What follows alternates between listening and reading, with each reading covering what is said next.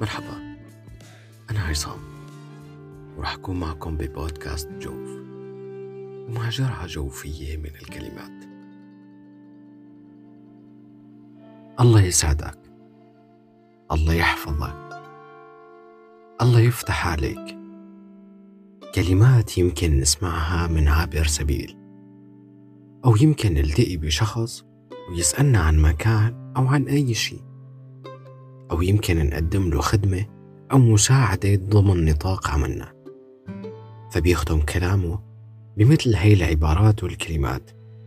هي مجرد كلمات لكن إلها وقع كبير على النفس.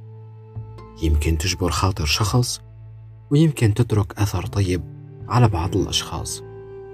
ومثل ما بيقول المثل الكلمة يا بتدمر يا بتعمر. نحن ما بنحتاج اللطف بس بتعاملنا وحياتنا.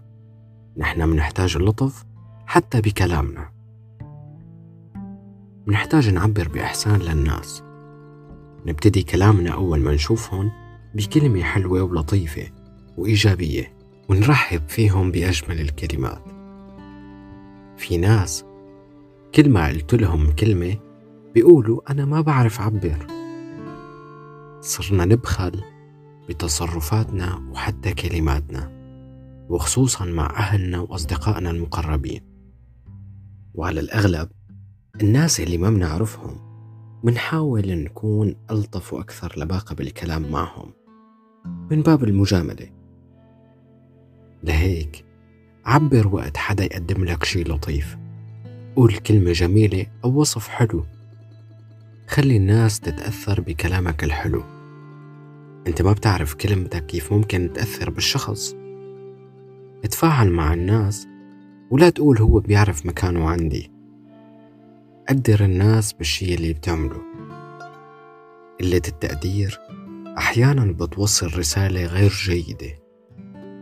ومع الوقت يمكن نفقد الاهتمام ويمكن نكون كسرنا خاطر شخص. بسمع كتير ناس بيقولوا انتو السوريين عليكن لسان بيطلع الحية من وكرة. أنا بحب إلكن. نحن أساتذة غزل. في مسافة بين يسعد صباحك مجردة من طراوة اللسان وبين يسعد لي صباحك ورنين هالشامي وبما إني سمعت ستي عم تقول صباح النور على البنور. سألت أساتذة لغة عن معنى كلمة البنور. وتعددت الإجابات. بس أكثر شي عجبني هو أن البنور لفظ محور للنوار والنوار هو ورق الورد الأبيض. ولما يصبح عليك حدا بهاي الجملة فهو عم يتمنى لك بداية النهار بتشبه ارتداد الضوء على ورق الورد الأبيض. كناية عن الجمال حتى البياعين اللي بيدهلزوا الكلمات بيقولوا المحل محلك. ما منختلف انت بتنقي وبتشيل. ما في شي من قيمتك. معوضين هاي الكلمة بتسكن بقلبي ورح نحكي عنها بقادم الحلقات.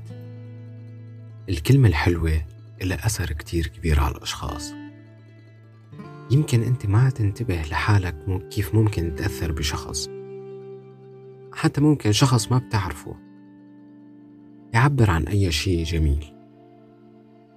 أو يحكي كلمة بتأثر فيك وتضل تفكر فيها.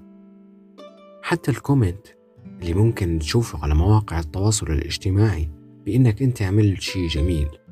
أو يمكن تنزل صورة إلك والناس تكتب لك وتتفاعل معها بطريقة جميلة. أنت رح تحس إنه هاي الكلمة عن جد أثرت فيك. ورح تكون أنت ممتن للأشخاص بطريقة أو بأخرى. يمكن كتير منا ما بيعرف يعبر عن هذا الشيء. بس نحن لازم نعبر. لازم ما نكون بخلاء. لازم نعبر بكلماتنا بآرائنا بطريقة جميلة نأثر فيها على بعض الناس. لبلادنا طبائع بالحكي والهوى. بلادنا أهلها طيبو المعشر ما بيقرشوا الابتسامات وما بيتجاهلوا مار وبيحتفوا بسلام الغريب. هدول الناس قادرين يعملوا من كل شيء أجمل وكأنه أحد فروع آدم كان شاعر وهي سلالته. وعلى سيرة الأجداد والشعر وطراوة اللسان الحبيب نزار قباني جعل من تقطيع الشرايين فعل حب ولحد اللحظة منغنيه. وبعدين بيجيك شخص وبيسألك عن سهولة تشكيل الحكي والكلمات. قل له نحن أساتذة غزل. ويسعد لي أوقاتكم.